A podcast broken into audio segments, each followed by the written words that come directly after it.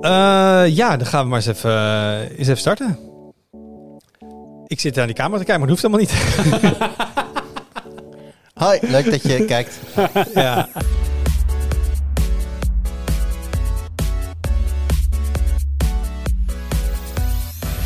Hoi, leuk dat je luistert. Welkom bij een nieuwe aflevering van de Tweakers Podcast. Mijn naam is Wout en vandaag zit ik in de podcast met Arnaud Wokke. Hoi. Bent Jurian Ubachs. Hallo. En met Friso Weijers. Hallo. Als je nou kijkt op YouTube, dan kijk je eigenlijk niet. Dan zie je geen hoofden um, uh, verschijnen. Want uh, de camera setup is stuk. Computer says no, kwamen we achter. Misschien ben je heel erg fan van waveforms. Dan heb ik goed nieuws voor je. Ja, dus uh, dit, dit, gaan we wel met een statisch plaatje op YouTube zetten. Maar eventjes geen, geen gezichtjes. We gaan ermee aan de slag. Hopelijk volgende week weer terug mm -hmm. met bewegende koppies. Um, deze week gaan wij het hebben over iPhones. Mm -hmm. dat kunnen we al een tijd, want die dingen komen een beetje druppel, druppelsgewijs binnen en ook bij ons op de site verschijnen. Maar uh, Friso is druk bezig geweest met de iPhone 14, de iPhone 14 Plus. En daarmee hebben we nu de hele line-up besproken. Alle vier, vijf, hoeveel hebben we er? Vier. Vier stuks. Nou ja, het, uh, en volgens mij ook nog eens die officieel allemaal meer dan 1000 euro kosten. Dat is ook nog wat misschien iets om op terug te komen. Mm -hmm. um, Eentje zelfs meer dan 2000 euro, zou ik je nog eens wat vertellen. De tandjes. Nou, daar gaan we het zo meteen over hebben. Maar voor we dat doen, gaan we natuurlijk eerst naar de highlights. Arnoud, jij, jij, jij zat zo vol ideeën deze week. Dus ik ben heel benieuwd um, ja. wat voor jou nou echt de, de grootste highlight is. Ja, um, nou, de, de, de, de, ik kan het over van alles hebben, maar ik wil het even hebben over de Razer Edge. Want uh, dat was wel een interessante aankondiging van afgelopen weekend. Sowieso interessant dat ze hem op zondag hebben aangekondigd. Dat gebeurt ons eigenlijk nooit, dat de producten op zondag worden aangekondigd. Dat was dit keer wel. En dat is een interessant geval. Uh, ik hoorde Friso er ook al over net voordat we de opname uh, starten. Maar de, de, de, de Razer Edge, moet je je voorstellen, is een soort van... ja, stel je Nintendo Switch voor, maar dan als een soort van Android-telefoon. Nou ja, zoiets is het. Het is, het is in feite gewoon het, het, lijkt het meest op een telefoon. Um, maar dan heb je natuurlijk controlleropties voor ernaast, zodat het echt een handheld wordt. En, um, en geen camera's aan de achterkant, alleen aan de voorkant. En, en geen belfunctie. Maar het is eigenlijk dat ding, die Logitech G Cloud hebben we recent gezien. Mm -hmm. Dat is ook een Android-telefoon in een controller verpakt. Ja. Um, en deze lijkt trouwens wel, Razer heeft ook de Kishi, ik weet niet of je de Kishi kent. Mm -hmm. Dat is ja. een controller waar je zelf je telefoon in kan klemmen. En dit lijkt ja. gewoon op een Kishi waar ze hem in vastgelijmd hebben, de telefoon. Ja, ja dat, zo kan je het eigenlijk wel zien. En het interessante is, en uh, uh, Friso, jij zei er ook over, dit is eigenlijk, dit lijkt een beetje alsof het een project van Qualcomm is, niet?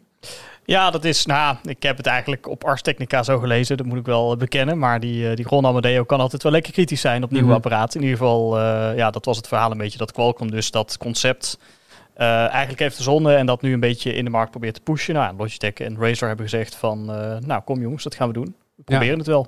Ja, want er zit een, een sok in en dat is een apart gemaakte sok. Het is niet een, een Snapdragon 8 plus Gen 1 of zo, eentje die je uit smartphones kent, maar het heeft een apart naampje. Ja, het is een, het is een G3X Gen 1 gaming platform sok. Precies. Oh, die? Ja. ja. En ik heb de specs gecheckt en uh, er zitten processorkernen in en er zit een GPU in. En nog wat dingen. En ze zeggen daar letterlijk helemaal niks over. Gewoon echt helemaal niks. Dus we hebben geen idee wat het ding precies kan. Wat me voor een maar hoe game, ze hem, ik gaming zag, ding best wel een ding Ik is. zag hem ook op zondag voorbij komen. Maar ik was lekker van mijn weekend aan het genieten. Uh -huh. um, dus hoe zetten ze hem in de markt? Want Logitech zegt die G-Cloud is echt een cloud gaming device. Ja. En er draait Android op met een Play Store. En ze hebben een 700 serie sok erin zitten. En uh -huh. je kan er een spelletje op draaien. Uh -huh. Zegt Razer dat zelf? Of zeggen ze nee, hier moet je allemaal native Android games op draaien. En je kan ook streamen als je wil. Uh, ja, ze zeggen eigenlijk allebei. Maar dat komt ook door uh, de, het, uh, het, partnerschap wat ze zijn aangegaan met Verizon Wireless, een Amerikaanse provider. Oh, mag ik gokken? Ondersteunt die 5G? Hij ondersteunt 5G en niet, niet gewoon 5G, maar echt wel op de 26 gigahertz band. Uh, dus die hele hoge frequentieband, die hele hoge snelheden mogelijk maakt. Dus ja, game streaming is dan ook wel een heel logische gebruiksscenario daarvoor.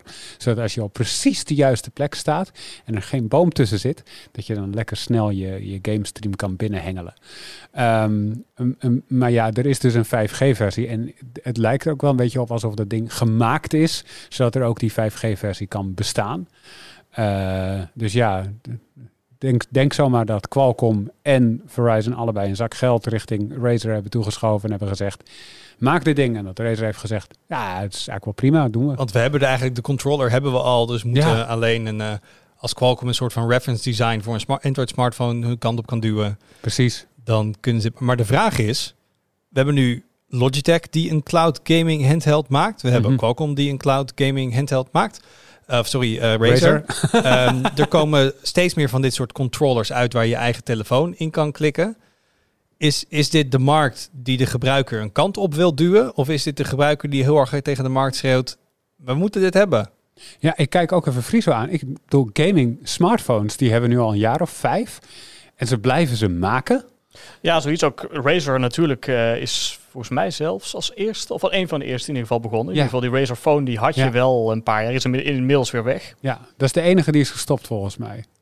Ja, want Asus is er nog. Uh, dan heb je nog een aantal Chinese merken. Ja. ja, ja.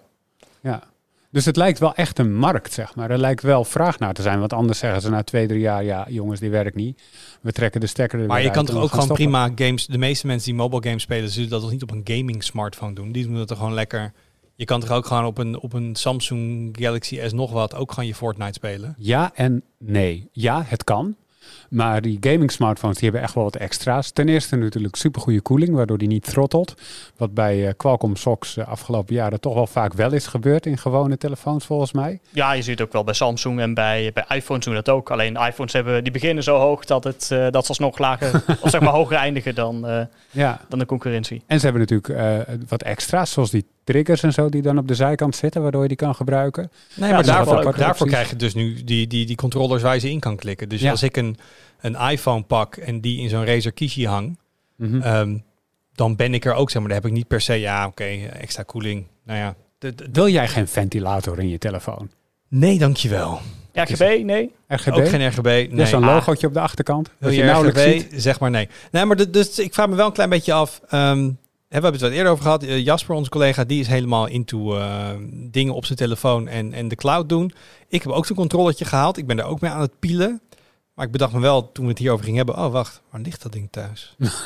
ja, die lag de laatste keer dat ik hem... Daar staat op de bank. Oh, ik moet even kijken waar die is.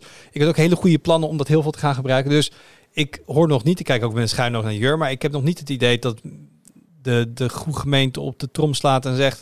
Wij moeten meer mobile gaming devices hebben. En streaming? Um, nee, maar ja, stream, het, die twee zijn niet hetzelfde. Dat is een beetje het ding. Als ik ga streamen, als ik, als ik ga streamen en gamen, hoef ik zeker geen nieuwe telefoon. Want ik ga streamen. Dus ik heb helemaal geen rekenkracht nodig. Zeker. Dus ja, dan kun je wel, kun je wel nieuwe. Uh, ja, op het moment dat je, dat je in, gaat investeren in nieuwe hardware, dan denk ik, ga je juist niet streamen. Want hè, dat, dan ga je. Maar dus dat is het gekke van die van Logitech bijvoorbeeld. Want dat is dus een compleet device met dus allemaal Android hardware erin gebouwd in de controller, maar het is totaal niet snel qua hardware die erin zit. Dus als je zegt, Ja, ik wil de ik. nieuwste Android game spelen, daar heb je dat ding niet de beste aan, zeg maar. Als jij heel veel onderweg bent en je wil onderweg gaan gamen, dan verwacht ik dat je een Steam Deck koopt.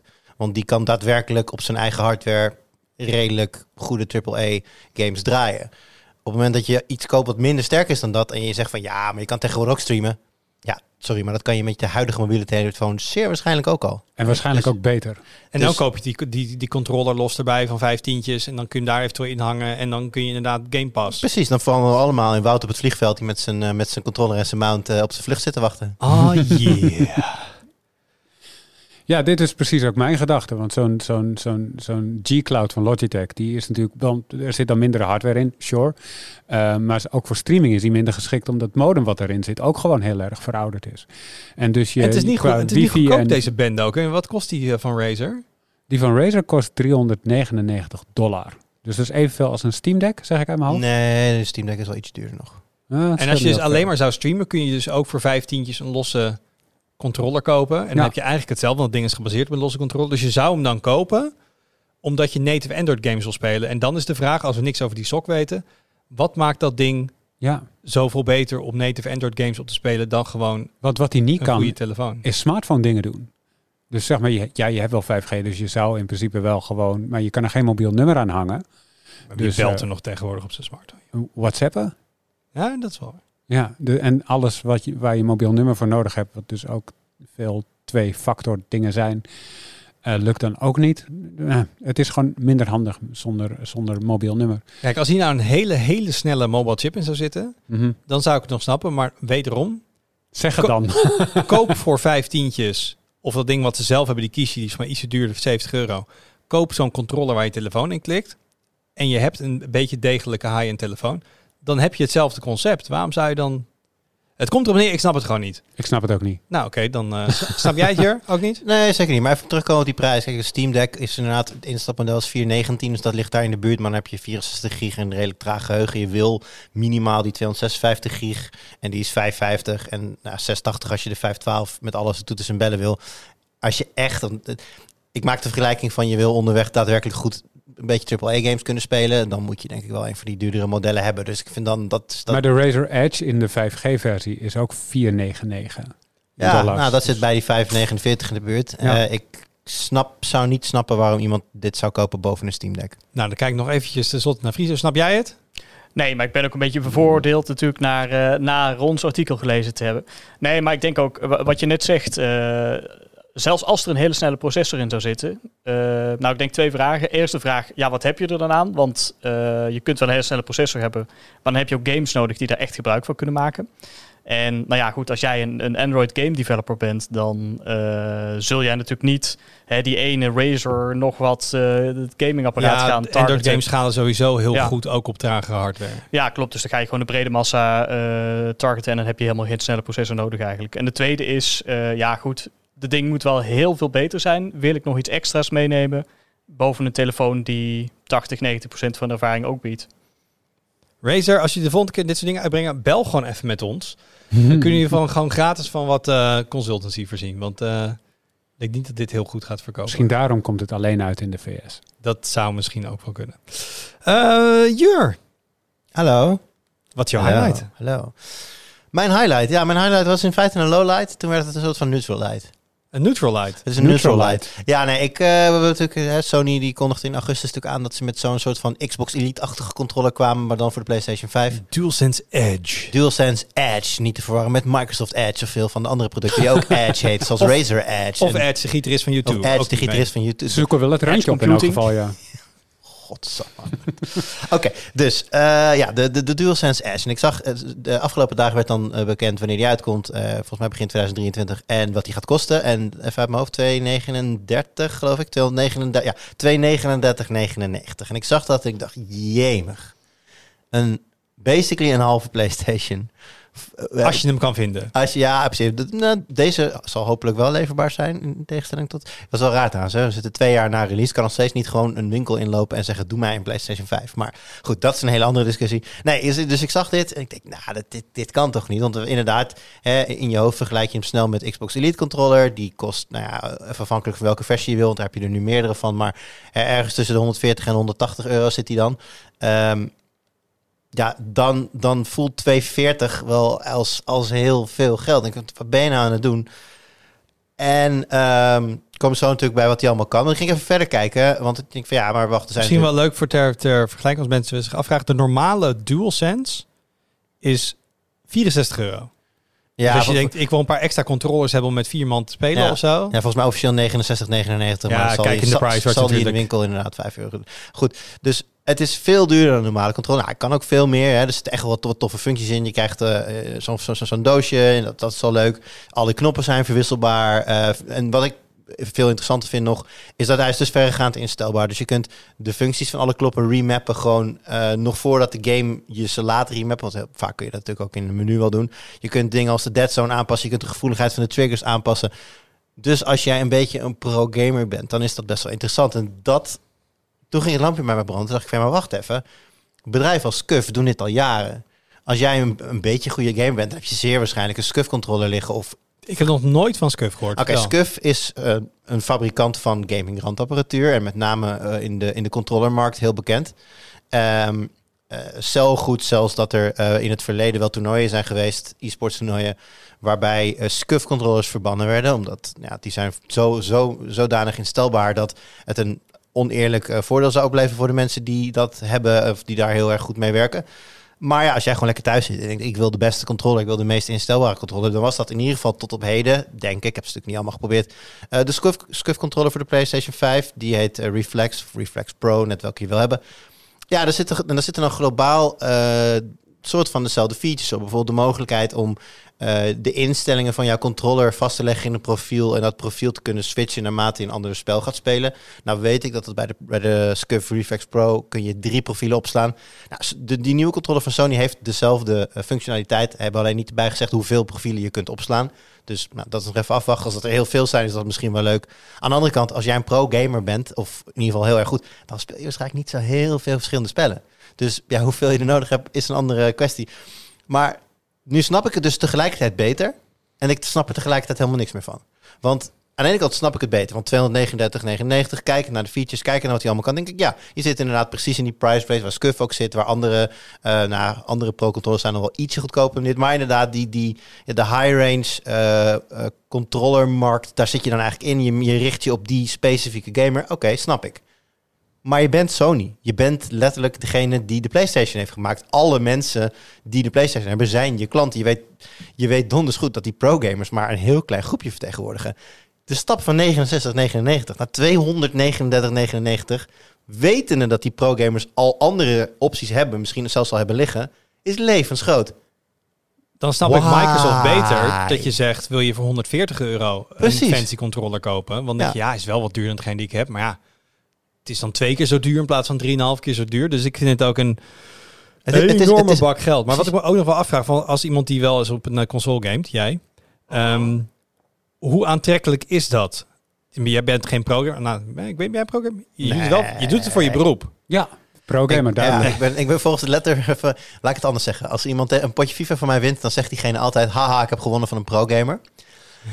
maar dat is niet helemaal de waarheid. Nee, Nee, kijk, wij spelen natuurlijk heel veel verschillende games. Dus ik ben weliswaar professioneel bezig met gaming, maar ik ben in vrijwel geen enkele Maar game een pro. Jij bent wel de persoon om deze vraag aan te stellen. Kom, Die- wow, wow, wow, geef me even mijn- ruimte om te shinen. Kom met me in Unreal Tournament 2004 en dan praten we. Dan, dan praten we. Dat is de enige game waar ik denk van, daar zit ik wel op een soort van pro-ready level. Maar voor de rest, maar niet als je met de controller moet maar spelen. niet als ik met de controller moet spelen. Nee. Maar die dingen waar ze het dus over hebben, alles remappen, eh, de sensitiv- sensitivity van je sticks, van je triggers, dead zones instellen. Verlos van het geld, is dat voor iemand, jij speelt wel heel veel verschillende games, denk je, oh, dit lijkt me best wel leuk om dit per game in te gaan stellen. Of denk je, het is echt fijn wat ik heb met die DualSense. Dat laatste sowieso. Ehm, nou moet je, ik moet wel zeggen, pro hoeft niet meteen pro te zijn. Hè. Je kunt ook gewoon op een gegeven moment heel erg in een game zitten. Nou, dan word je, als het goed is, goed. Dat gaat meestal hand in hand. Als je er niet goed in bent, vind je het meestal ook niet leuk. Ga je het niet heel veel spelen. Nou, stel dat eh, de nieuwe Call of Duty heel goed ligt. Je zit op een gegeven moment elke avond te spelen. Je gaat lekker, je zit met je vrienden. Niet per se in een clan, maar wel gewoon lekker online. Een beetje die compet- competitive mode spelen. En je wint nog wel eens een potje. Maar dan kan ik me goed voorstellen dat je eh, zo in de details raakt. Dat je hè, eh, het kunnen instellen van een dead zone bijvoorbeeld in, in, de, in de thumbsticks. Dat dat jou zou kunnen helpen. Dat is hetzelfde als als jij nu 10 uur Formule 1 gaat spelen en je gaat een beetje de voor- en de achtervleugels omhoog naar beneden schrijven, dan zal je het misschien, omdat je de sport goed kent, zal je weten waar je op moet letten. Dus je voelt het. Maar wat gaat het doen? Als je duizend uur hebt gereden en je hebt echt een setup per baan gemaakt, ja, dan zijn eh, spelen met de procentjes van de vleugels wordt dan al een heel ander ding. En dat is dit eigenlijk ook, maar dan in de hardwarevorm. Als, als je zoveel speelt en zo de game zo goed kent, dan ga je die nuances die je kunt aanbrengen met die, eh, met die instelbaarheid, daar ga je wel iets van merken dan natuurlijk. En in die, in die lijn snap ik die prijs trouwens ook wel heel goed. Want eh, zo'n normale controller is dus 70 euro. En, die, en bij Xbox kost dan die Elite kost 180 of whatever.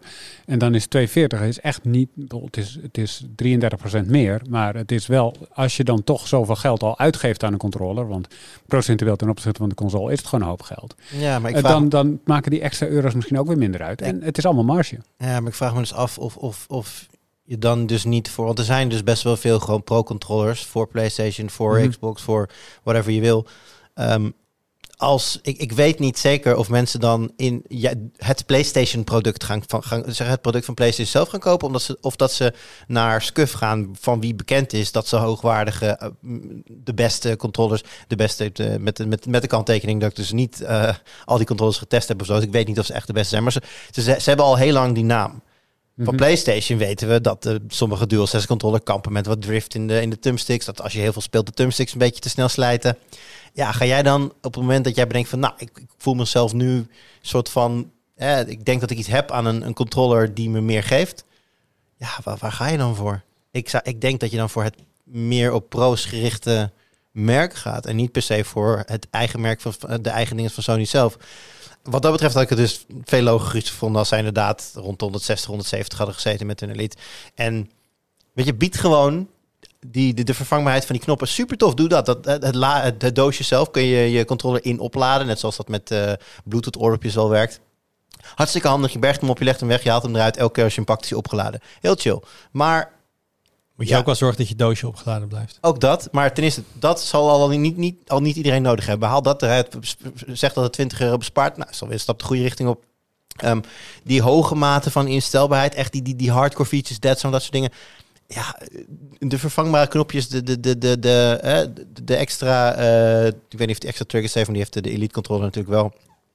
Dat soort dingen, gewoon de basisfeatures. Wat als je die nou, als je die nou aanbiedt, zonder de echt dure toetsen en bellen, en je komt dan op 150 heb je dan niet gewoon een hele leuke tussencontroller? Nou ja, en dan mis je nog één hele belangrijke feature. Wat ik, ik weet niet hoe goed het dat verkopen, Microsoft, maar het feit dat je die Elite controller kan customizen. Ik heb al heel vaak op het punt gestaan om te denken, ik had toevallig ik heb nu gewoon een zwarte voor de PC. Als die stuk zou gaan en ik wil gewoon een controller voor mijn PC, dan zou ik zo'n Elite nemen. Dan zou ik hem helemaal zelf, eigen kleursetting, dat soort dingen. Ik vind dat een hele, een hele leuke extra feature ja, om dan dat ding maar dat is niet een feature voor de, X, voor de, voor de Elite controller.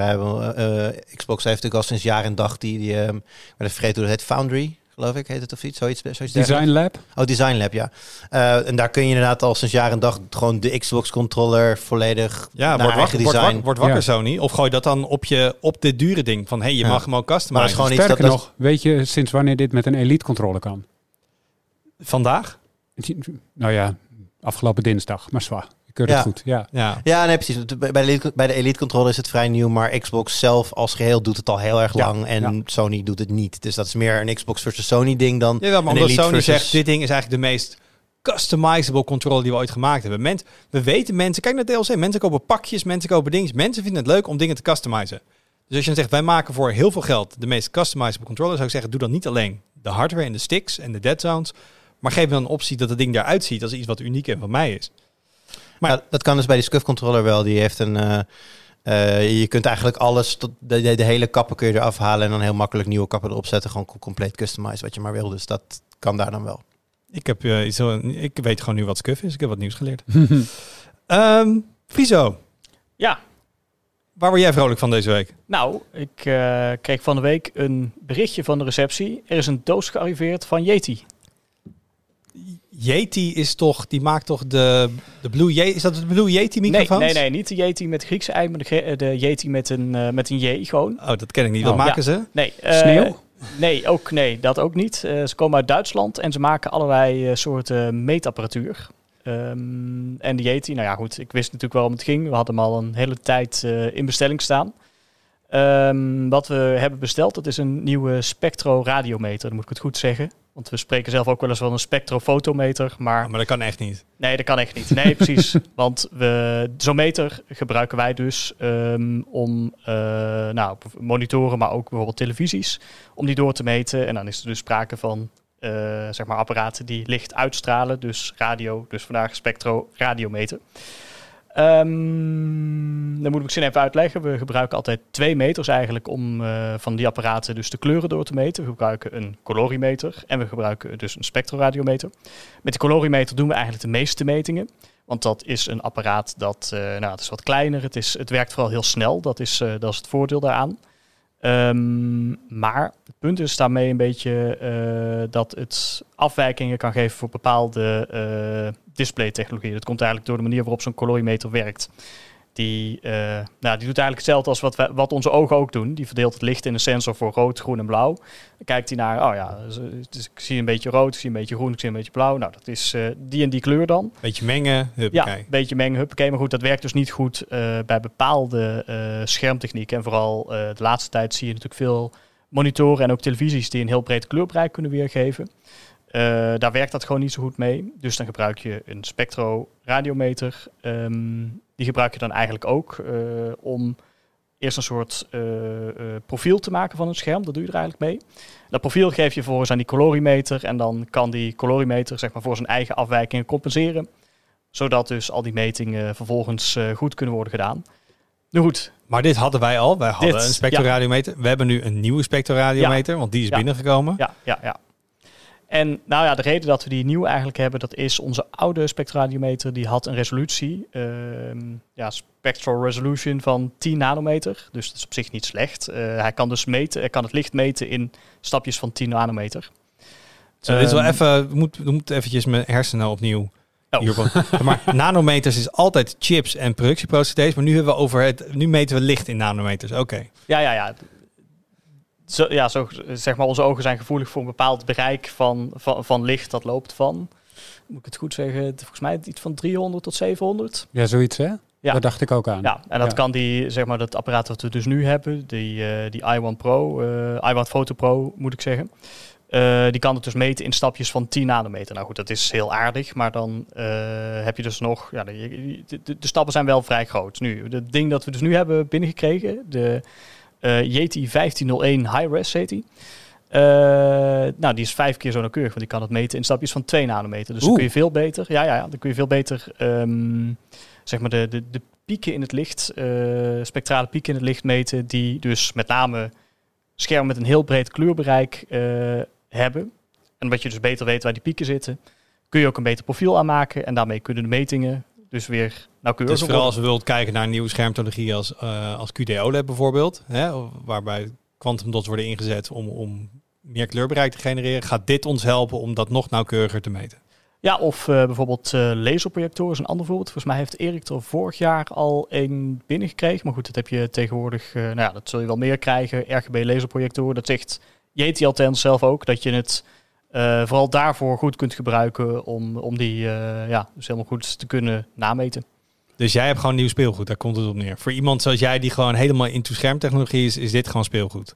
Ja, dat, uh, dat kun je wel zeggen. Wordt ook heel mooi geleverd. Heel mooi koffertjes. Alles. Mooie unboxing experience. Mooie unboxing experience. Ja, misschien moeten we dat nog even doen op de, op de social. Of, uh, Voor alle maken. fans van Spectro Radiometers uh, die ons volgen. Ja, ja, ja, zeker. Maar dit, is dit een kwestie van gewoon inpluggen uh, in plaats van die andere eruit, deze erin en we kunnen meteen gaan meten? Of is het nog heel ingewikkeld om dit in te gaan zetten? Als het goed is wel. Um, uh, de software die we daarvoor gebruiken, dus Kalman, die zou als het goed is gewoon ondersteuning moeten hebben voor, uh, voor dat apparaat. Ja, ik heb hem nog niet in de praktijk uitgeprobeerd, want mijn collega die is helaas ziek deze week. Um, daar wil ik het wel eventjes ja, samen ja. Mee, mee doen. wat die, die, dus je moet er nog echt mee lekker aan de slag. Ja, dat. Maar um, moet even kijken, want ze, hebben ook zelf software nog. En daarmee kun je bijvoorbeeld zo'n heel mooi... Uh, nou, daar, kun je eigenlijk een diagram mee maken. Dus zo'n spectral power distribution diagram. Dus echt dat je precies ziet waar die, die piekjes zitten.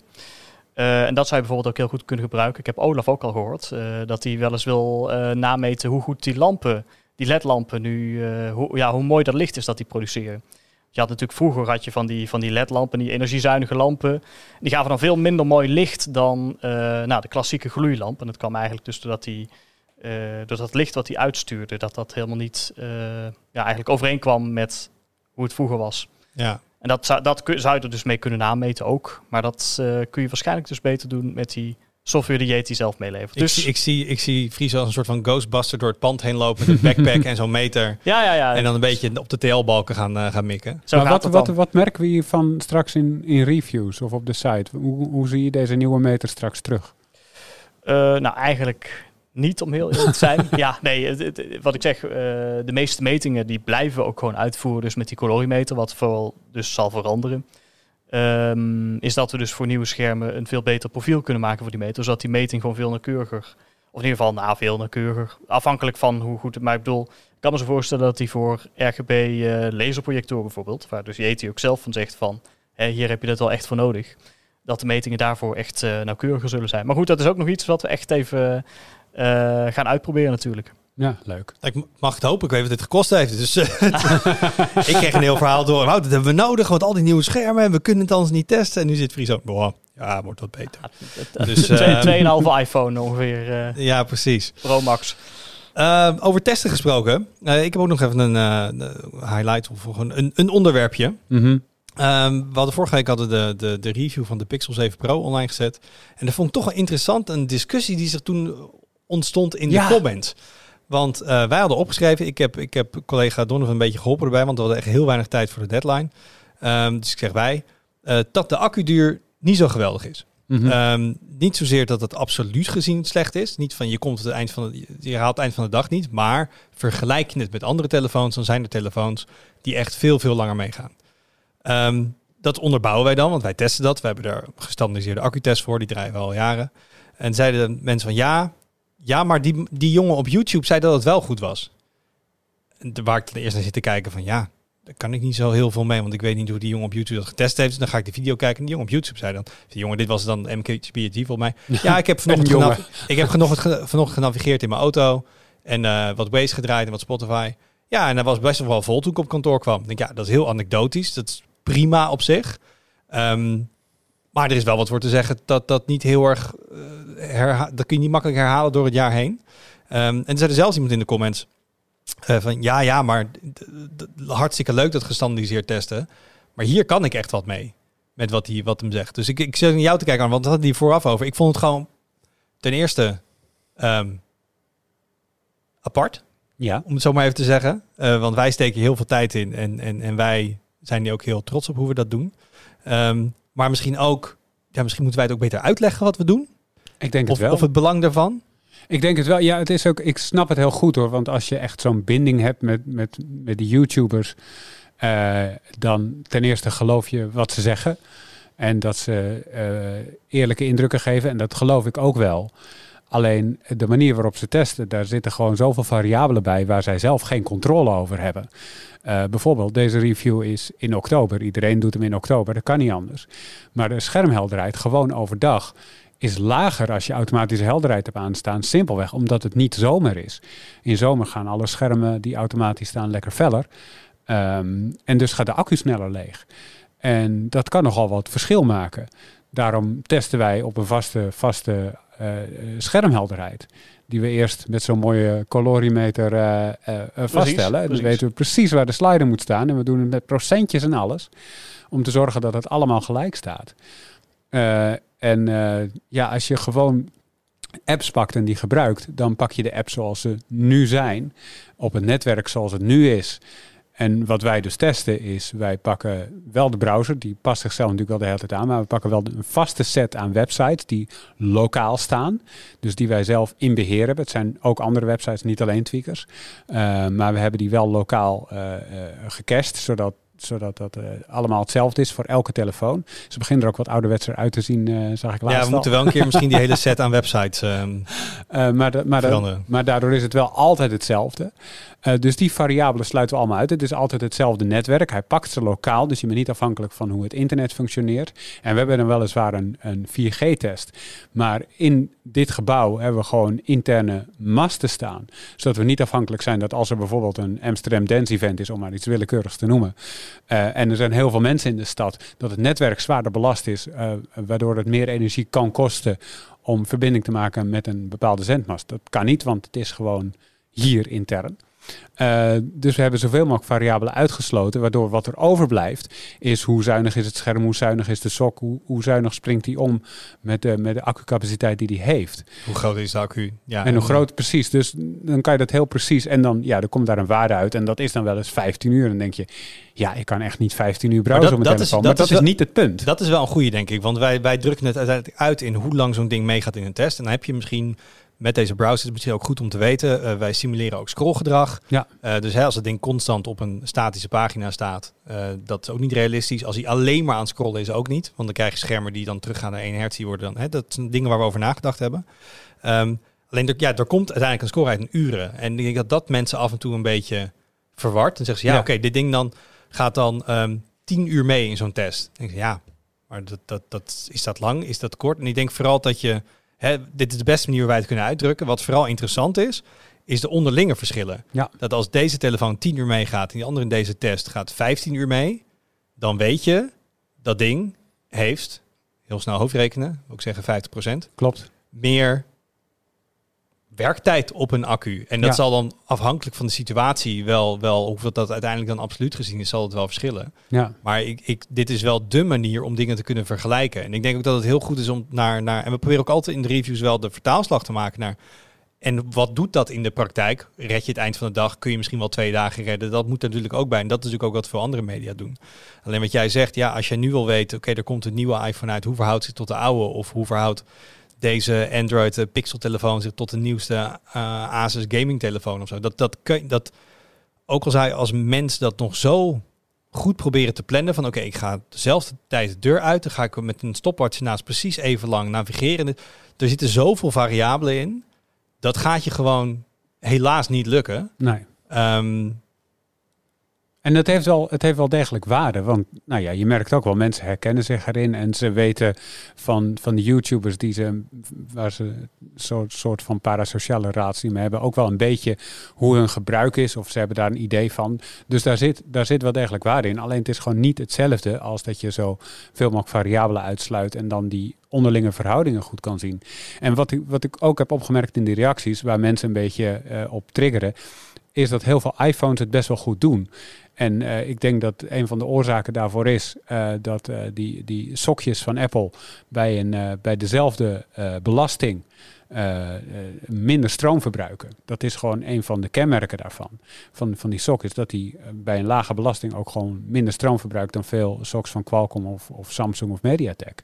Ja, en dat kan je ook gewoon, ja? Daarop aanhakend, want ik moet wel zeggen, uh, kijk, onze accutests die simuleren wel vrij licht gebruik, dat ja. moet ik wel toegeven. Ja. Um, en dan zie je inderdaad dat Apple socks gewoon voor lichtgebruik heel goed geoptimaliseerd ja. zijn. Maar dus ook dat uh, nou ja, telefoons die het relatief slechter zouden doen als ze, of relatief beter zouden doen als ze zwaar uh, zouden worden gebruikt, dat die misschien iets in het nadeel zijn. Ik denk, ja. uh, nou, daar komen we misschien zo nog op bij de iPhone uh, 14 Plus. Uh, dat die dus in onze tests iets minder goed scoort dan de, de Pro Max, omdat de Pro Max een zuiniger scherm heeft. Ja, precies. En dan zie je dat soort verschillen dus ook naar boven komen. Maar het, het is, ja, wat dat betreft, het is wel degelijk van waar. Er waren ook allemaal mensen die, die meedachten en dachten van, misschien kunnen die accutests ook uh, anders. Bijvoorbeeld als we de hele tijd uh, TikTok-video's zouden doen totdat de accu het begeeft. Om maar eens iets zwaarders te noemen dan wat we nu doen. Of, of het, het dagelijks gebruik van, van pubers simuleren. Suggereerde ook iemand, misschien kunnen jullie wat pubers naar binnen brengen. Die dan gewoon de hele dag uh, die telefoon gaan gebruiken. Leuke stageplek. Uh, interessant idee op zich. Alleen, uh, ja, dan moet je ook weer helemaal gelijk trekken. En liefst automatiseren het. Want we testen, mm. ik weet de hoeveelheid niet, maar 200 telefoons per jaar of zo. Echt heel veel. Ja, precies. Ja, je zou eigenlijk een soort trace moeten maken. Dus van zo'n activiteit van zo'n puber dan. We, hebben, we hebben wel eens ook idee gehad, moeten niet een soort van robotarm met een soort robotvinger die dan gecalibreerd weet hoe groot het scherm is en dan elke keer hetzelfde doet. Dat, nou, dat, daar zijn we nog niet helemaal uit. Dus het is ook niet alsof wij zeggen dit is um, perfect en dit is uh, een getal waar het helemaal gaat overeenkomen met jouw eigen gebruik. Uh, daardoor is altijd ook gewoon een subjectieve ervaring nodig. Maar we proberen altijd wel ja, toch die vergelijking te kunnen maken, omdat het zo lastig is. En je wil iets kwantificeerbaars wil je erover zeggen. Um, en kijk dus ook vooral naar de verschillen. Dus dat, dat iets Hè, als wij zeggen, ja, hij, hij gaat, de accu is niet zo goed, want hij gaat minder lang mee dan de rest. Ja, dat is gewoon wel een vergelijking die we maken. Dat je dan alsnog prima naar het einde van de dag komt en er helemaal geen last hebt, dat kan. Maar met die andere telefoon die boven de lijst staat, had je misschien de twee dagen gereden. Dat weten mensen dan niet. Dus het is vaak ook van, is iets relatief gezien wat minder goed of is het gewoon absoluut gezien wat minder goed? Ja. Um, dus misschien dat gewoon wat, wat nuance en uitleg bij, bij hoe we dit doen. En wij zouden ook, hè, mensen zeggen dan van, kun je nog dit testen en dat testen en TikTok-video's. Heel graag, weet wel. Dat zie je ook aan de uren in deze test. Um, sommige van deze accutesten duren gewoon een dag, 24 ja. uur. Uh, en als zelfs. wij dan een telefoon uh, vroeg, uh, zeg maar op embargo, gewoon net zoals jullie dan ook de tekst willen lezen, daar de review van willen hebben. dit is echt een enorme tijdvreter. dus we zouden heel graag vijf verschillende accutests met vijf scenario's draaien. Maar dat zou betekenen dat we met al onze telefoonreviews gewoon heel, heel, heel laat zijn. Want dan krijgen we een sample binnen, dan ligt die vijf dagen dat te doen. En dan pas kan de reviewer ermee aan de slag gaan. Dus het is ook altijd een beetje de, de balans vinden tussen ja, hoeveel testen we uh, en wat vinden we relevant en wat we ook nog enigszins op tijd kunnen publiceren. Maar een zwaardere test zou wel korter zijn. Ja, kunnen we ook zeker naar kijken. Kunnen we... zo, zo snel mogelijk de accu leeg trekken door hem maximaal te belasten. En anders, en anders gewoon lekker in de auto gebruiken naar je werk rijden. Dan kijken hoeveel je nog over hebt als je op je werk bent. Ja, ben je er ook? Ongeveer twee, twee balkjes. En dat is dan, uh, dan goed genoeg. Ja, wat ik dan bij ook nog zo'n zo'n uh, MKBHD, die krijgt natuurlijk heel veel telefoons, testen ook allemaal. Maar hij zal natuurlijk nooit eh, de telefoons die hij allemaal uitprobeert op dezelfde manier verregaand installeren zoals hij doet met de telefoon die hij zelf primair gebruikt. Op het moment dat jij bijvoorbeeld heel veel berichten, apps of andere dingen erop hebt staan, gaat dat natuurlijk op de achtergrond ook batterij mee wezen. Terwijl als Ja. jij denkt van, oh hey, nieuwe telefoon, even testen.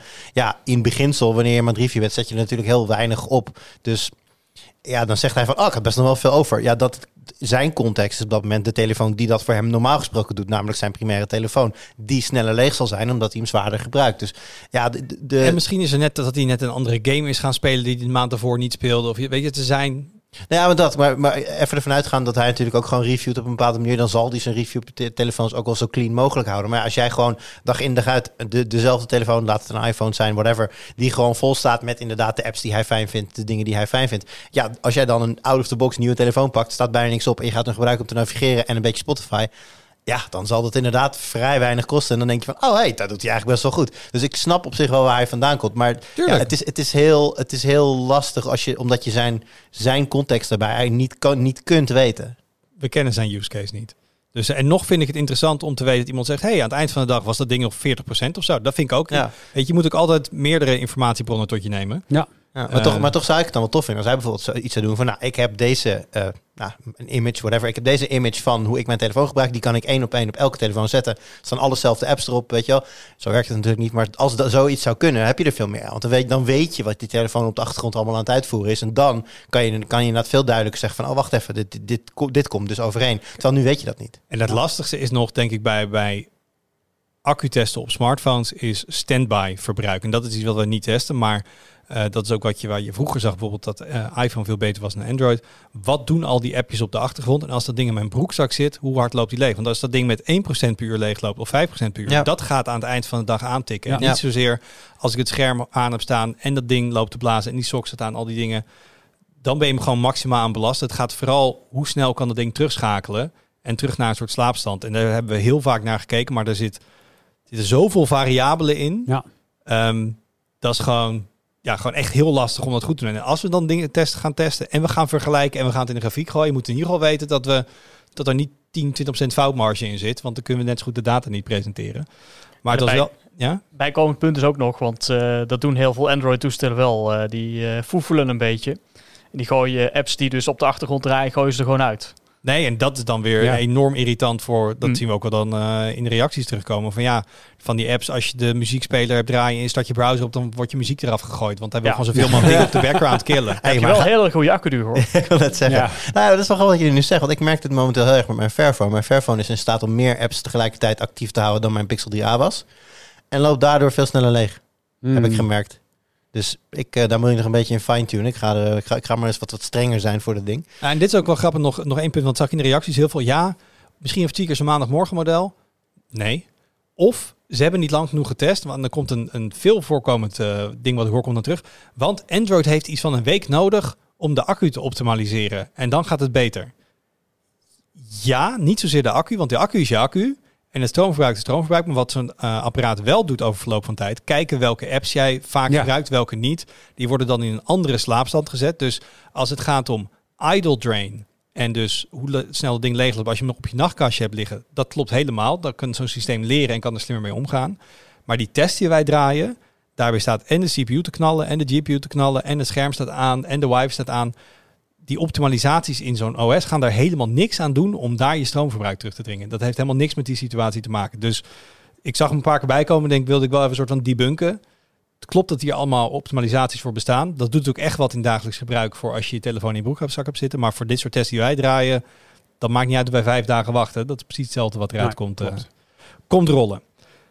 Nou, als we het toch over telefoons hebben.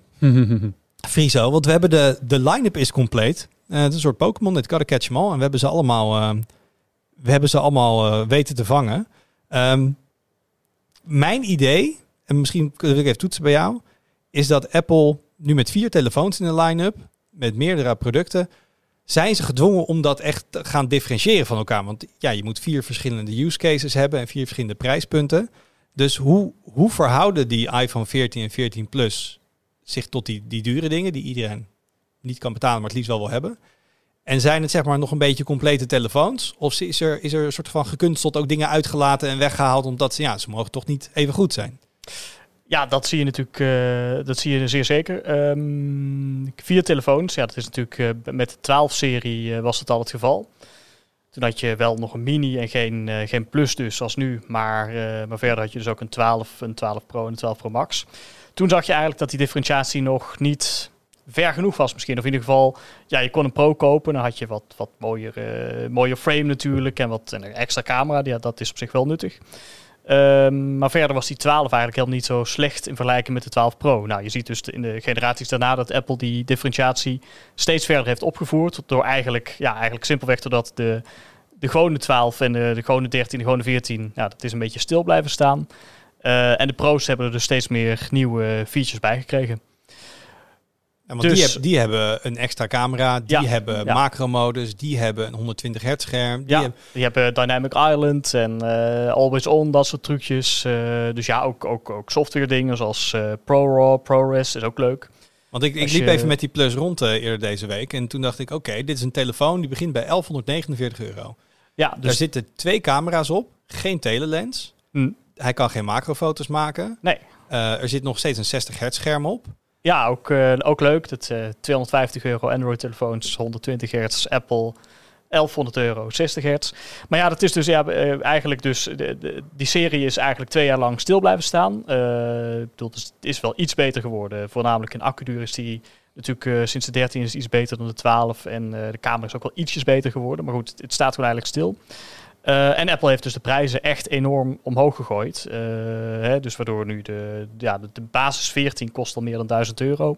Uh, die plus kost dus 1100 tot nou, 1400 kun je er ook voor betalen volgens mij. Als je het exemplaar hebt met, de, ja, met de meeste opslag. En ja, die, die pro's, dat is helemaal... maar Arnoud, als jij... Jij bent niet zo'n persoon, maar stel jij geeft mhm. meer dan 1000 euro uit aan een telefoon. Dan wil je toch ook wel zeker weten dat je dan ook gewoon alles hebt in dat prijspunt? Of wordt dat, is dat de nieuwe midrange prijs dan? dat lijkt me een beetje bizar. Ja, dit is ook wel een uitzonderlijke situatie, want in de VS zijn de prijzen helemaal niet verhoogd. Daar zijn de prijzen uh, gewoon gebleven. Dat wil wel zeggen, de, de mini die was goedkoper dan de gewone iPhone 13. Uh, eh, en de iPhone 14 Plus is duurder dan de gewone iPhone 14, maar de iPhone 14 is gewoon even duur als de 13. Uh, eh, dus dit is echt wel een, een, een dollar-euro ook, ook niet goedkoop in dollars, toch? Nee, maar ook niet duurder. Uh, voor mij is de prijs, ik zeg het even aan mijn 799 dollar. Dus 800 dollar, zeg maar. Um, ja, bij normale koers was dat, was dat ook 800 euro geweest. Daar moet nog wel tax bovenop. Ja, daarom. Maar nou ja, door omrekenen was dat vorig jaar of twee jaar geleden nog wel degelijk ver onder de 1000 euro geweest. Het is gewoon een conversiedingetje omdat Apple een Amerikaans bedrijf is en ze de marges uh, daar niet op willen inleveren. Um, dus ja, dan krijg je dit soort tafereelen. Ik denk niet per se dat de nieuwe, nieuwe midrange is hoor. Ik denk dat, dat als de koers weer wat omdraait, dat die prijzen dan ook wel anders zullen worden. Ja, is het niet, stel dit verkoopt goed mm -hmm. en stel Apple, klinkt komt hiermee weg, zeg maar. Die heeft hier geen, ondervindt geen schade van. Denk je dat ze de prijs dan ooit naar beneden gaan doen? Ik denk het wel eigenlijk, ja. ja zo, omdat, ze, omdat ze niet zo omgeven uh, hoeveel, zeg maar, hoeveel het precies is. Um, dus ja, dan zou je denken, misschien houden ze de prijs hoog om de marges hoog te houden. Maar ik denk dat die backlash die dat zou opleveren op het moment dat de prijs hoog blijft, terwijl dat niet verklaarbaar is, Ehm, dat, dat ze meer schade doet dan ze zouden willen. En ze willen toch ook wel telefoontjes verkopen. Dus ik denk dat ze dan baat bij hebben om die prijs dan te laten zakken als dat qua wisselkoers kan. En dan meer telefoons te verkopen. Ik denk dat dat gewoon wiskundig in een Excel-sheet gewoon uit kan. Je zegt erbij nog van, uh, daar komen ze mee weg. Nou, ze komen er dus niet echt mee weg, naar het schijnt. Want uh, die, die 14 en 14 plus, dat lijkt niet zo heel goed te lopen. Ook qua verkoopcijfers bedoel je? Ja. Er zijn, uh, nou, ik zag bijvoorbeeld een soort uh, tracker voorbij komen. Dat was wel in de Verenigde Staten overigens. Dus nog niet eens in Europa, waar dus die prijzen enorm uh, door het dak zijn gegaan. tracker van de, um, hoe zeg je dat? de tijd voordat je het ding daadwerkelijk in huis hebt als je hem bestelt. Nou, die was voor de, de Pro-modellen was die iets van 20, 30 dagen. En voor de 14 en 14 plus twee dagen. Of nee, nu zeg ik het verkeerd. Nee, ik zeg het ja, je goed. zegt het goed. Ja, dus ja, daar, daaraan zie je al van uh, die dingen zijn gewoon niet zo populair. En misschien ook niet zo populair zoals uh, als Apple heeft verwacht. Maar ja. jij, jij hebt de review gedaan uh, en, ze, en je weet ook de europrijzen, zonder dat je hem helemaal gaat herkauwen hier. Maar hoe, hoe aantrekkelijk zijn die telefoons op dit moment hier in Nederland voor deze bedragen? Ja, niet zo heel aantrekkelijk dus, want eh, je kunt net zo goed eigenlijk een iPhone 13 kopen. Uh, het, tenminste, als je kijkt naar 13 versus 14, kun je net zo goed een 13 kopen. Nou, die, die is nu afhankelijk van de opslagcapaciteit is van 100 tot 300 euro goedkoper. Ja, 300 voor het meest uitgebreide topmodel dan. Um, ja, en kijk je naar de, de 14 Plus. Kijk, Apple zegt eigenlijk van de 14 Plus. Hè, dat is een beetje een goedkoop alternatief voor uh, de oude Pro Max. En voor het eerst is er een groot model uh, dat niet tegelijkertijd ook het duurste model is in de line-up. Klinkt als een hartstikke leuk concept, alleen dan moet je hem niet die prijs meegeven. Want nou, je kunt nu nog 13 Pro Max kopen. Dat zal wel gaan veranderen trouwens, want die 13 Pro Max die gaat er gewoon uit. Maar in ieder geval, je kunt nu een 13 Pro Max kopen voor enkele tientjes meer dan hetzelfde, het equivalente model van de, van de 14 Plus. En heb je dus een toestel dat eigenlijk al die features, hè, die, ze, nou, die je voor dat bedrag eigenlijk echt wel zou mogen verwachten, zo'n telecamera, macrofunctie, 120 hertz scherm, uh, die dat gewoon wel heeft. Maar je kan altijd ook nog tweedehands kopen. Dat ja, kan ook nog, bovendien. Ja, maar ja. Friso, ik heb hier toch iets tegen in te brengen. Um, stel je voor, je koopt zo'n telefoon en die is gewoon hartstikke duur, meer dan 1000 euro. En je laat hem vallen en de achterkant is stuk. Bij de 13 kost je dat 600 euro en bij de 14 een paar tientjes. Dat is wel zo, ja, dat is echt wel. Waarom? Omdat uh, de 14, hij lijkt helemaal hetzelfde, maar hij is totaal omgekeerd ontworpen. Mm. Um, de 13 die gaat open vanaf de voorkant, dus je lift het scherm op. Uh, daarachter kun je de accu vervangen. En de achterkant, daar kom je eigenlijk niet bij, tenzij je elk, elk onderdeel eruit haalt. Dus dat doet eigenlijk in feite geen enkele reparateur. En als je dat wel wil doen, dan heb je uitgebreide lasermachines nodig. Heel leuk, kan je op YouTube opzoeken hoe dat moet. Um, maar dat is natuurlijk niet iets wat elke reparateur zomaar heeft. En Apple doet het zelf ook niet. Uh, heb je de 14, ja, dan kan het scherm er nog steeds af. Maar daarachter zit een metalen plaat. En voor de rest opent de telefoon vanaf de achterkant. Dus de glazen achterkant is het eerste wat je eraf haalt. En die kan je dus ook het makkelijkst vervangen. Goeie zaak. En dat onderdeel zelf is natuurlijk niet zo duur. Het is goed voor de iFixit score dit. Dat is goed voor de iFixit score. Zeker ja. goed voor de ja. iFixit score, want die is een stuk hoger bij die, bij die 14 en 14 plus. Maar aan de andere kant, dit probleem los je ook gewoon weer op. Zoals hoesje. driekwart van de gebruikers doet door een hoesje eromheen te doen, toch? Zeker, maar dan nog steeds kan de achterkant stuk gaan. Uh, het, het gebeurt gewoon. Um, en ik, het is dat, een dat snap ik. Maar als ik nu moet kiezen tussen een 14 Plus of voor hetzelfde geld een iPhone 13 Pro Max of misschien tweedehands met een hoesje, met al het extra wat je dan nog krijgt qua features, dan zou ik denken, ja, nee, ik koop maar de 14 Plus, want misschien laat ik hem een keer vallen en dan gaat de achterkant. Ik snap, ik vind het een goede zaak. Dat ik ze wil het het tegenargument toch even inbrengen nee, ik, voor je. Ik vind het vooral een goede zaak dat ze dat aangepakt hebben, want dat zijn bizarre prijzen natuurlijk voor de, voor de reparatie. Dus vooral ook een goede zaak dat ze er niet voor hebben gezorgd dat de nieuwe achterkant, als je hem dan laat plaatsen door een reparateur die niet officieel Apple is, dat hij dan niet zegt, uw achterkant is niet officieel. uh, dat, wat zal, die, wat, wat, wat, wat zal die dan zeggen? Uh, niet originele achterkant, ik stop met uh, functioneren van, uh, ja, wat, wat kan je dan uitzetten? Ja, ja, dat is even de vraag. niks. Het Apple-logo misschien verdwijnt of zo. Draadloos laden? Dra oh ja, draadloos ja, dat, is, uh, dat zou nog inderdaad weg kunnen gaan. Want ja, als je het scherm bijvoorbeeld vervangt, dan kun je geen, uh, geen true tone, geen automatische helderheid. Ja. Dat soort dingen, dat, uh, dat verdwijnt dan allemaal. Dus ja, die iFixit reparatiescore, dat is ook maar een beetje relatief. Je kunt het makkelijk repareren, maar dan moet je wel dus ja, dat met Apple zegen doen. Dat betekent dus dat je gebruik maakt van dat, van dat zelfreparatieprogramma. Als je het zelf wil doen tenminste. Ja, Even wat, wat bredere vragen. Want jij zegt eigenlijk, nou, Friese zegt hij is niet zo, uh, niet zo aantrekkelijk. Um, dus dan zou je kunnen zeggen, dus deze moet je niet hebben voor dit geld. Maar er zijn heel veel andere telefoons die je kan doen. Maar in hoeverre is het vergelijken van een iPhone met een Android-telefoon anno 20, nou laten we maar even afronden naar 23, nog echt een ding? Ik weet het, ik weet het echt niet. Ik bedoel, ik, maar mijn gevoel zegt me dat mensen die gewoon al een paar generaties achter elkaar een iPhone hebben, of misschien ook Android, op een gegeven moment zit je vast in je ecosysteem. En denk je, ja, overstappen. Ik heb al die aankopen in de App Store. En ik heb mijn accessoires en mijn oordopjes. En mijn dit en mijn lader. En Precies, de Apple Watch, AirPods. Die houden Hmm. mensen allemaal in dat Apple-ecosysteem. Of, of vice versa, want Samsung wil een, een Samsung-ecosysteem hebben. Maar Google bouwt nu keihard aan een Pixel-ecosysteem. Ja. Mm. Dus ook, ook gewoon als iemand die reviews schrijft en mensen dingen aanraadt, zeg jij nog van, oh, maar switchen tussen die dingen, dat is zo gedaan. Dat is helemaal geen probleem. Mensen moeten gewoon lekker heel breed naar de markt kijken. Of is dat minder een, een realistische optie waar mensen voor gaan? Nou, ik zal niet zeggen het is zo gedaan. Uh, aan de andere kant, ik probeer ze wel gelijkelijk met elkaar te vergelijken. Hè. Cameratest bijvoorbeeld. Dan gaan we gewoon kijken naar uh, toestellen van verschillende merken. Nou, nu trouwens niet met de iPhone review, want ik had niet genoeg tijd om daar ook nog een, een, een ander toestel in te stoppen.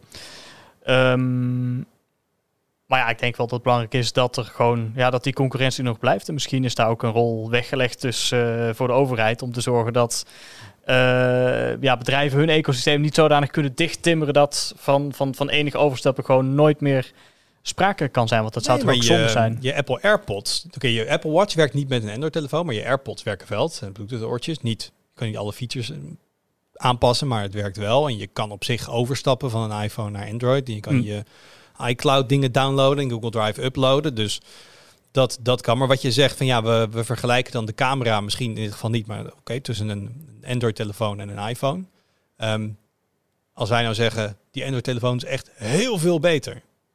Ik vraag me af bij hoeveel mensen dat dan de, de prikkel is om te zeggen, oeh, dan moet ik misschien maar eens na gaan denken om van ecosysteem te wisselen.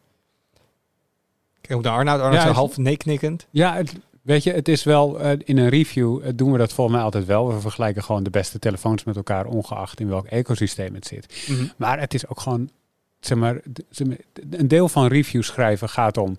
Ja, het is aankoopadvies. Weet je wel, moet je deze telefoon hebben, bla bla bla bla. bla. Maar er zit ook gewoon een deel in.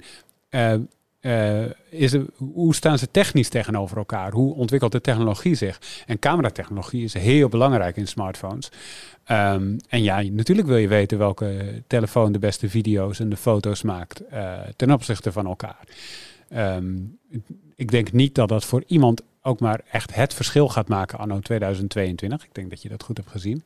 Maar uh, dat we doen, dat heeft denk ik gewoon te maken met dat het technisch interessant is om te doen, toch? Ja, zeker.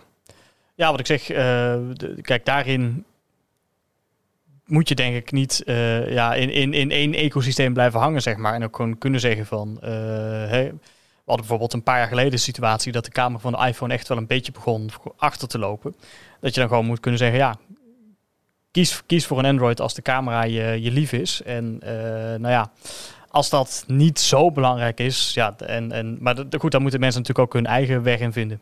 Maar ik ben het ook helemaal met je eens hoor trouwens. En dat, dat is ook de reden, een van de grote redenen waarom we dit doen.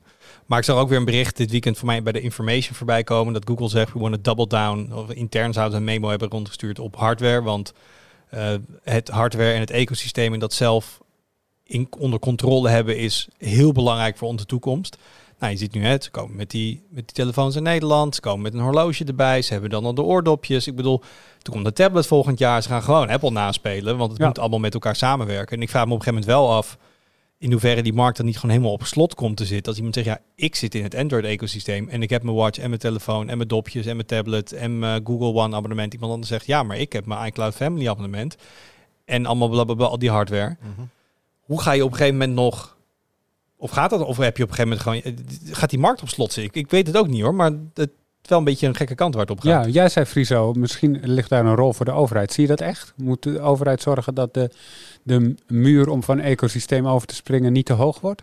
Mm, nou, de overheid kan in ieder geval iets doen om, om zeg maar de, hoe heet dat, interoptabiliteit. Dat je, uh nou ja, bij wijze van spreken wat handig zou zijn, maar goed, ja, ik weet niet of de overheid dat zou kunnen regelen, is dat je gewoon met, met één klik bij wijze van spreken kunt wisselen van iCloud naar, naar uh, nou, één klik gaat misschien wat ver, maar hm. per vergelijkbare servers, ik vind wel, een overheid zou best kunnen zeggen van, hey Google, hey Apple, jullie hebben allebei een, een modus die automatisch foto's van jullie gebruikers opslaat uh, in een cloud. En wij willen graag dat die gebruiker dat in één, in, in één keer naar de ander kan overzetten. Zorg maar dat het werkt. Dat kan natuurlijk wel. Maar moet het dan ook zo zijn dat de overheid zegt: hey Apple, leuke watch dat je daar hebt. Hij moet wel werken met alle telefoons op de markt. Dat is een andere discussie, denk ik. Want dan ga je het hebben over. Dan ga je puur kijken naar die markt. En zijn zij daar marktleider? Ik bedoel, Sony heeft ook niet te zorgen dat de PlayStation controller werkt op de Xbox. Hm, dat is waar.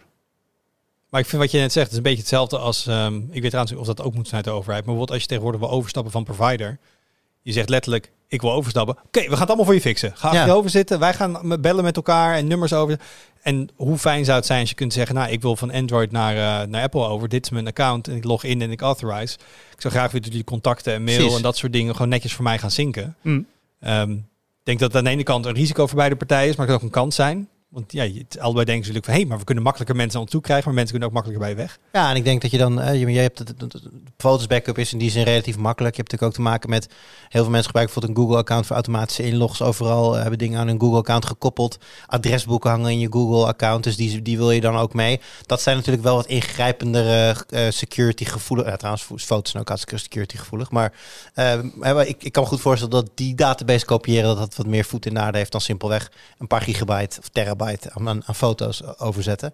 Maar ja, dat, ik denk wel dat je als overheid zou kunnen zeggen: wij willen graag dat dat, dat, dat kan. Ja, dan, en dan is het aan Apple en aan Google om daar iets voor te verzinnen. Ik Natuurlijk. vind het wel een EU-dingetje. Ja, Ja, zo klinkt het even. wel. Want in ieder geval krijgen we dezelfde lader. Vanaf, Ja. eh, als het goed volgend jaar, Ja. toch? Is Ja, het nou ik wilde echt doorheen, doorheen, dus- doorheen? Het is een, het, Dat was een het- laatste stemming deze maand nog, toch? Er is nog een formaliteit te regelen, maar eh, het- ik, ik hoor- heb van niemand gehoord dat, dat dat dat problemen zou opleveren. En ik denk dat we dat inmiddels wel gehoord zouden hebben. Dus ik denk ook dat Apple belangrijk genoeg ervan uitgaat dat het zo is. Want we zagen het al met de iPads deze week. Hm. Eh, waarbij we nu dus, even een zijstapje, maar het is wel leuk. Je hebt nu dus een, een, een goedkoopste iPad die nog altijd 589 euro gaat kosten. Ja, dat is ook weer zo'n leuke. Prijsverhoging. Die oude die is iets van 320 of 350 volgens mij nu in de Price Watch. En die nieuwe is gewoon, eh, nou, 580. Ja, Budget iPad. bijna dubbel. Ehm, de budget iPad. Ehm, maar budget meer dus. Daar kan je met de Apple Pencil op van de eerste generatie. Probleem is alleen, die Apple Pencil die laat je op met Lightning. Maar die iPad die heeft USB-C. dus nu kan je letterlijk die pencil niet opladen in je eigen tablet. Ehm, daarvoor heb je dus een converter nodig of anderszins eh, een, een manier om die op te laden. maar dat, dat dat- was zeg maar de oplaadsituatie dat je een tablet hebt waar een pen uitsteekt, toch? Ja, Wat ja. ook al niet heel Nee, is het ook netjes niet. was. Is het ook niet. Maar het werkt in elk geval. Nu kan het niet meer. Nee, wat ze nu hebben bedacht, eh, in alle doosjes van die Apple Pencil van de eerste generatie komt die converter dus te zitten. Mhm. Eh, maar wat je dan moet doen, je moet dus die, die converter moet je in die pencil steken. En die converter heeft zeg maar, eh, aan de andere kant van de converter, dan moet je dus het kabeltje van de iPad er weer insteken. En dat moet je weer in je iPad steken. Dus je hebt eh, als het ware een soort converter voor een converter. Maar in ieder geval, je, je pen hangt niet meer knullig uit je tablet. Dat is wel eh één Het is een kabeltje dan een converter en dan je pen. Nou, elegant, eh, Veel, veel elegante oplossing. Wat, wat trouwens wel echt eh, veel beter is. Ik ben blij dat Apple eindelijk heeft geluisterd naar wat heel veel mensen zeiden. De frontcamera van het ding zit niet meer aan de korte kant. Dus als je hem in portrait houdt aan de bovenkant. Maar als je hem in landscape houdt aan de bovenkant. Wat natuurlijk veel beter is als je video belt met een soort van toetsenbord dingetje, houdertje, eh, cover eronder. Eh, daardoor kan je hem echt, dan zit hij op een logische plek als je hem als een soort van laptop gebruikt. Nou, daar was ik gewoon blij om. Dat, Laat dat, is die, me. dat is die 580 euro wel waard, mag ik... eh, En eh stereo speakers niet te vergeten ook. Ja, In, in landscape dus. Ja, die oude had stereo speakers alleen in portrait. Dus dan kon je een filmpje kijken op je 4.3 scherm. Eh, wat zeg maar, eh, nou het zal zijn een kwart van het scherm opvult. Maar had je wel stereo geluid. Ja. Dus Apple heeft eindelijk door dat mensen die tablet toch vaak gewoon horizontaal gebruiken. ik denk het wel. Nou, het Blij heeft, om. Het heeft, maar, het heeft maar een paar jaar geduurd. Ehm, ik ga hem hier denk ik afronden. Want Mhm. het, eh, het, is al, het is alweer flink aan de tijd. Ik wil nog even kijken naar wat er op de site verschijnt. Eh, collega Thomas, die kwam ik net hier beneden tegen. Die is druk bezig met... eh Oeh, mag ik, mocht hij over hebben?